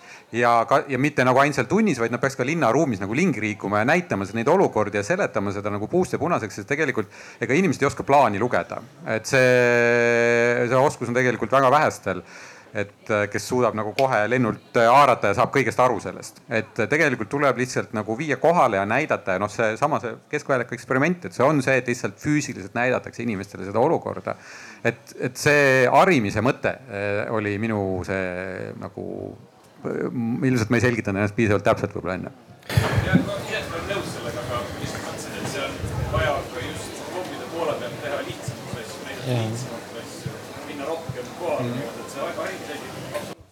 ja, seda küll. Ja noh, teine teema on see ka, et vanemad generatsioonid päri, tulevad nii-öelda sellest nõukogude perioodist. Ja siis ei olnud nagu, neil ei ole seda üldse harjumust ja see noh, üldse, et linnavalitsusse minek, see tundub midagi sihukest noh paned pintsaku selga ja see on ka keeruline, aga noh, nooremad põlvkond ma näen tegelikult, et äh, nagu aasta-aastalt nagu ikkagi rohkem hakkavad sekkuma ja just gümnasistid ma kohe lasen sulle rääkida. Ja selles mõttes, sellepärast mul ongi hea meel, et Paides gümnaasium tuleb kesklinna, et need gümnasistid on nagu siin nagu asja sees, et, äh, et nad ei ole ära viidud kuskile.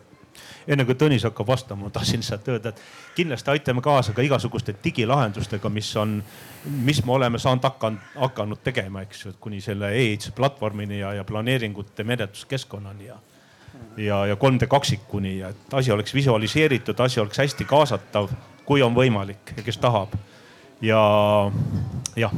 ma kõigepealt siis KOV-i esindajana äh, jätkan siit, et mõlemad, äh, nii Jüri kui Andru pöörasid tähelepanu kahele väga õigele asjale, üks on hari, harimine, see on täna kaasamises puudu ja teine on, äh, no mitte puudu, häid näiteid on ka.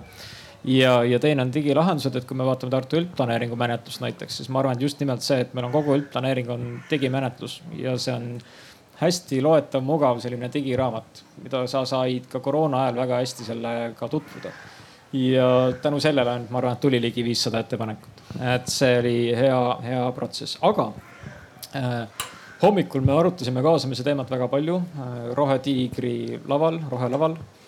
Ja, ja seal tõesti me tõdesime seda ka, et või mina tõdesin siis, et et kui me detailplaneeringutest ja üldplaneeringutest täna räägime, siis meil kipub olema see klassikaline kaasamine on selline vaba mikri platvorm.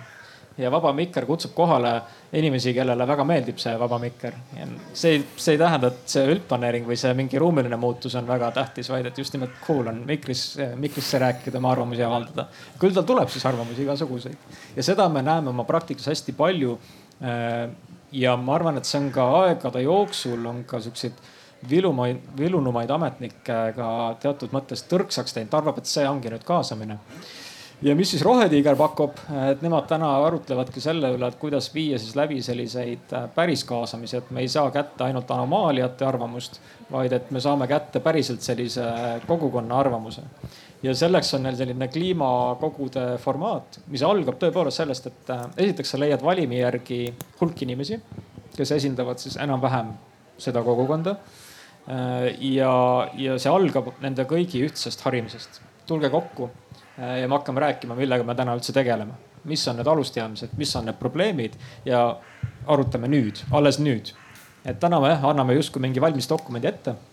ta võib olla ka eskiisi tasandil või muul moel antud ette ja, ja hakka siis sinna mikrisse karjuma, et see ei tööta tõesti väga-väga huvitav. võtame ühe küsimuse veel ja siis otsad kokku, palun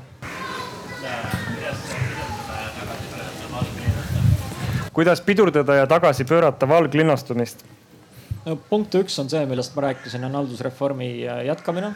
et täna paratamatult nii on, et me võime tahta ükskõik mida siin ühel pool piiri teha, aga ei ole ühtegi omavalitsust, kes ütleks, et kuulge inimesed, ärge rohkem siia kolige. on, on. mingi laid või? ma võin küll eksida, aga minu teada vähemalt aasta-kaks tagasi oli Kiili vallas oli küll niimoodi et äh, oli krundi suurus oli ant-, miinimumsuurus oli ette antud, kas see oli äkki kaks tuhat ruutu või? et sul, et krundid peavad olema suured, et sa ei saa nagu arendada, ei saa teha nagu maja maja otsa, teha sihukest suurt-suurt valginnastumist, et äh, on äh, pandud minimaalne piir krundi suurusele, et sellega just ja, ja nad ise rääkisid ka, et see ongi see, et nad näevad, mis toimub Rae vallas, mis toimub nagu Argos, kus ei, ei, vald ei jõua lasteaedu ehitada ja koole ehitada ja rahvastik kasvab lihtsalt kiiresti või oli see Saku vald, äkki ma eksin? ma üks nendest kahest, kas oli Kiili või Saku vald, üks Tallinna külje all, kes äh, teadlikult äh, pidurdab äh, elanikkonna kasvu?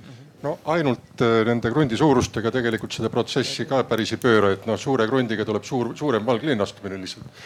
et aga, aga tegelikult on oluline see, et, et just nimelt keskused, et noh, väikelinnad kaasa arvatud, eks ole, et nad tihendaksid ennast pigem ja looksid, eks ole, selle kaudu ka omale nagu sellist noh, tasakaalustatud linlikku elukeskkonda, kus on tagatud ka teenused ja, ja, ja noh, kus ei peaks minema kuskile mujale mingisugust paremat elukeskkonda otsima. ja, ja just nimelt ka nendes, nendes väike, väikelinnades kaasa arvatud, eks ole, nendes oleks elukeskkond mitmekesine. et ole, et, et oleks leida nii noh, korruselamuid, kust, kus osa inimesi paratamatult tahabki elada sellepärast et ta ei taha, eks ole, kogu oma aia ja, ja, ja ülejäänud majapidamisega tegeleda, kui ka, eks ole, eramuid, kus, kus ongi noh, mingi krunt, mille, kus saab siis noh, tegeleda ka sellise noh, maaga seotud, seotud tegevustega, see on, see on tegevuste mitmekesisus just, mille kaudu seda saab, saab, saab, saab nagu tagasi tõmmata. ja, et siin on noh ja ma tahtsin lihtsalt ütelda veel äh, seda juurde, et noh, et, et kui, kui me vaatame, et miks need inimesed sinna lähevad, et siin on äh, noh, üldiselt on kaks põhjust, mis nad alati välja toovad. üks on see, et ma, mul, ma tahan looduses elada. noh, muidugi, kui me vaatame, et mis keskkond seal on, siis see on nagu noh, loodusest üsna kaugel et ainult see viiemilline muru, mis neil seal iga päev niidetakse, aga teine teema on ikkagi see, et äh, linnades paljud inimesed ei jõua enam endale osta eluaset. Ja see on tegelikult kasvav probleem, millega tegelikult riik väga ei ole tegutsenud, et noh, nüüd on jah, see, mida nimetati riigimajade programmiks, riigi üürimajade programmiks, noh, mis ei ole riigiga küll seotud, onju noh, osaliselt on, aga valdavalt ikkagi omavalitsus on seal taga, et äh, noh, ja tegelikult äh, me näeme kui me vaatame, mis on toimunud meie linnades, kui me võrdleme eluaseme maksumust, kui me teeme nagu sihukese graafiku äh, kakskümmend aastat ja kui me vaatame, siis üks on see nii-öelda ruutmeetri maksumus ja teine on siis äh, inimeste sissetuleku maksumus, siis me näeme, et see lõhe kasvab aasta-aastalt ja väga kiiresti kasvab ja tegelikult üle-euroopalised uuringud näitavad ju, et äh, Tallinna linn on äh, kogu Euroopa kõige kiiremini segregeeruv pealinn üldse. see tähendab seda, et vaene elanik, vaesema, väiksema sissetulekuga elanikud ja suurema sissetulekuga elanikud kolivad erinevatesse piirkondadesse ja see uuring tõi välja, et väiksema sissetulekuga elanikud surutakse välja mereäärsetelt aladelt ja kesklinnast ja see väiksema sissetulekuga, see ei tähenda, et need on inimesed, kes ei saa oma eluga hakkama, see tähendab, need on lasteaiakasvatajad, need on äh, poemüüjad, need on äh, õpetajad, meditsiiniõed, need on kõik, keda me ühiskonnana vajame, aga nad ei saa enam kesklinnas või mere ääres elamist lubada, sest nende sissetulek ei võimalda seda. ja meil puudub ka ja nad ei saa endale korterit, nad ei saa juba paarkümmend aastat osta kesklinna, aga neil puudub võimalus ka üürida seda, sellepärast et esiteks üüriturg on üsna halb Eesti linnades. see ja üürid on ääretult kallid, selles mõttes, et selle palgaga sa ei saa lubada endale kesklinnas ka üürikorterit ja kui me vaatame, mida teeb Helsingi, siis Helsingi ehitab äh, linna üürimaju ja see ei ole ainult äh, nendele nii-öelda madala sissetulekuga, tulekuga inimestele, vaid seal on inimesed läbisegi. seal saavad üürida ka kõrgema sissetulekuga inimesed, aga nemad maksavad lihtsalt kõrgemat üüri ja nende üüri pealt peetaksegi nagu neid maju üleval, et linn ei maksa midagi peale nendele majadele, vaid see on nagu toimiv süsteem ja inimesed on segunenud, erinevad professionaal, profess-, positsioonid äh,, erinevad nagu kõik need sissetulekud ja kõik see. seda tehakse paljudes Põhjamaade linnades, Rootsis äh,. Rootsi on nagu läinud natuke nüüd teist teed ja me näeme, mis on tulemus Malmös ja Stockholmis ja selles mõttes, et seal on nagu probleemid tekkinud. tegelikult ja Rootsi kinnisvaraturg oma kogu moonutuses ei maksa ilmtingimata eeskujuks jah tuua, aga et seal tehakse siis munitsipaal- või riigimaju samal, sel samal põhimõttel, sama eesmärgiga, et et linn ei oleks segregeerunud. no ja teine teema, mis on äh, ja, aga me praegu, meil ei ole see probleem ei ole kätte jõudnud, see jõuab kahekümne aasta pärast, praegu meil, me tänavapildis, me ei saa sellest aru. Meil ei ole ja me ja me üks suur probleem on veel, et meil on piirkonnapõhised koolid. Ja kui mingi piirkond hakkab alla käima, siis selle piirkonna lapsed samamoodi kannatavad ja tekivad need nõiaringid, et nad ei saagi sealt enam välja. ja see on nagu väga suur probleem ja üks on see, mida me veel ei näe, aga me teame, et see tuleb noh, me näeme, kõik need Lääne-Euroopad on need asjad läbi teinud, on uusimmigrandid. meil on neid väga vähe aga me elame globaliseeruvas maailmas ja me peaksime tegelikult valmistuma selleks, et nende osakaal Tall-, noh, vähemalt Tallinna ja ilmselt Tartu rahvastikus kasvab. aga praegu äh, meil ei ole isegi analüüse äh,, need, kes on tulnud, et kus nad elavad, kuidas nad linnaruumi kasutavad. me võime ainult visuaalse vaatluse põhjal ütelda, et jah, nad on äh, Mustamäel, nad on Lasnamäel ja nad on mingil määral Põhja-Tallinnas, aga Põhja-Tallinnas ilmselt nad surutakse välja aga see on see, et tegelikult linn ja ka riik tegelikult äh,, linn ei pea üksi sellega, nendega tegelema, et siin tegelikult on ka riigi abi vaja. et äh, peab tegelema sellega, et me ei tohi lasta ühesuguse taustaga inimestel koonduda teatud piirkondadesse, sest see kiirendab ainult nende piirkondade allakäiku ja noh, siis see ja see tuleb ühiskonnale, tegelikult see kulu ainult kasvab. aga ma, ma saan aru, et ma võtsin kõik lõpusõnad kõigilt ära, et ma annan kiiresti nüüd. las Tõnis ka vastab ja siis teeme ühe lõpu, lõputiiru Äh, jät-, jutu jätkuks valglinnastumise, sa küsisid niimoodi, et kas valglinnastumist saab tagasi pöörata, eks. Äh, ei saa, sest et väga palju inimesi, tuhandeid inimesi on ostnud endale kodud kusagile ja sättinud ennast sisse. Äh, palju toimub ka ise tagasipöördumist, seda ma nägin Tallinnas, kui ma oma korterit hakkasin Tallinnas müüma, et kõik, kes tulid sinna korterit vaatama, ütlesid, et ma olen väsinud Viimsi ummikus istumast, ma tahaks kolida nüüd Kadriorgu, et sealt käia normaalselt tööle et toimub see küll, need, kes saavad endale võimaldada seda. aga teine asi, mida meie peame siin planeerijatena arvestama, on see, et äh, need valglinnastumisprotsessid, mis on toimunud, need on toimunud ja nüüd on küsimus, et kuidas sinna äh, asustusega kaasa tulla, toetada kohti, kus teenused on puudu. võib-olla, mis näide on parim, äkki Rae vald on kõige sihukesem, kuna ma just Rae valla abilinnapäeva hommikul kohtusin, et siis see on hea näide, kuidas nad tahavad tulla siis trammiga lennujaamast edasi Rae valda väga õige mõte. aga muuhulgas, kui tulla esimese küsimuse juurde, milleks on avalik huvi, siis äh, ja, ja nimbü teema, mis siin enne läbi jooksis, siis täna hommikul õppisin ka uue sõna. Eestikeelne nimbü on mõmm. minu õue mitte midagi seda tuleb nüüd propageerima hakata. ja, ja seda mõmmina räppi. Äh, on siis Rae vallas ka kuulda. sest et avaliku huvi Äh, kohaselt see trammitee sinna, kus kõige rohkem inimesi elab täna. See on lihtsalt suurepärane projekt, suurepärane. täpselt nii nagu praegu Tampere äh, kavandab oma linna laiendusi ainult raudtee või raudtee või siis trammitee äärde. Äh, ja aga Mõmmina räpi kohaselt, see on kõige hullem idee, rajada sinna, kus inimesed täna juba elavad, on harjunud oma igapäevase keskkonnaga ja nad, nende arust on avalik huvi see, et nüüd mitte midagi enam ei muutu.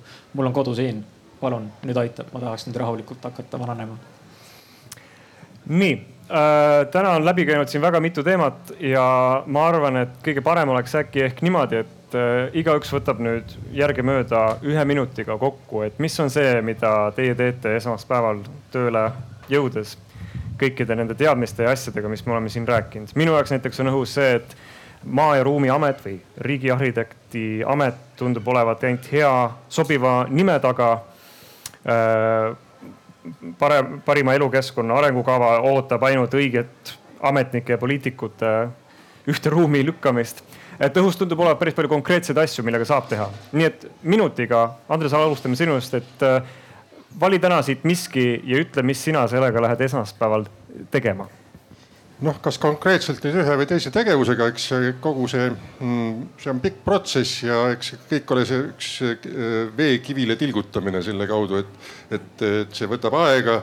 Äh, kõik need äh, märksõnad, millest täna on juttu olnud, noh, need on olnud juba õhus ka mitmeid aastaid ja vajavad lihtsalt sööndamist, aga millega konkreetselt noh, näiteks uue üleriigilise planeeringu ettevalmistamisega. See noh, ta, see, see ei ole protsess veel, mis oleks käima läinud, aga noh, esialgsete uuringute ja, ja niisuguse koostöövajaduse välja, väljaselgitamine, kaasa arvatud praegu on ka kahanemise poole pealt on meil valminud või valmimas ka OECD uuring, kuidas üldse kahaneva Eestiga toime tulla. et esialgsed poliitikasoovitused, noh nende, nende läbilugemine ning, ning võib-olla ka siis noh, arutamine nii oma kolleegide kui ka, kui ka laiemas ringis, et noh, see, see on selline iga, igapäevane rutiinne töö tegelikult. minuga on asi lihtne, mina jätkan seda, mida ma olen teinud, mu veendumus on kasvanud mu sõprade ring on suurenenud. me läheme edasi parima elukeskkonna arengukavaga koos üleriigilise planeeringuga kuni lõpuni välja.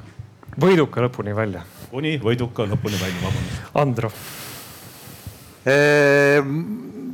jah, ma arvan, et mis mõjub nagu eestlasele kõige motiveerimalt, on see, kui sa ütled, et lätlastel on see parem et siis kõik hakkavad nagu mõtlema, et kurat, et nüüd on midagi valesti. Et ehk siis jah, mina, me lähme Hariliidu delegatsiooniga järgmiseks nädalaks äh, Riiga kohtuma Läti Hariliidu ja ka Riia linnavalitsusega.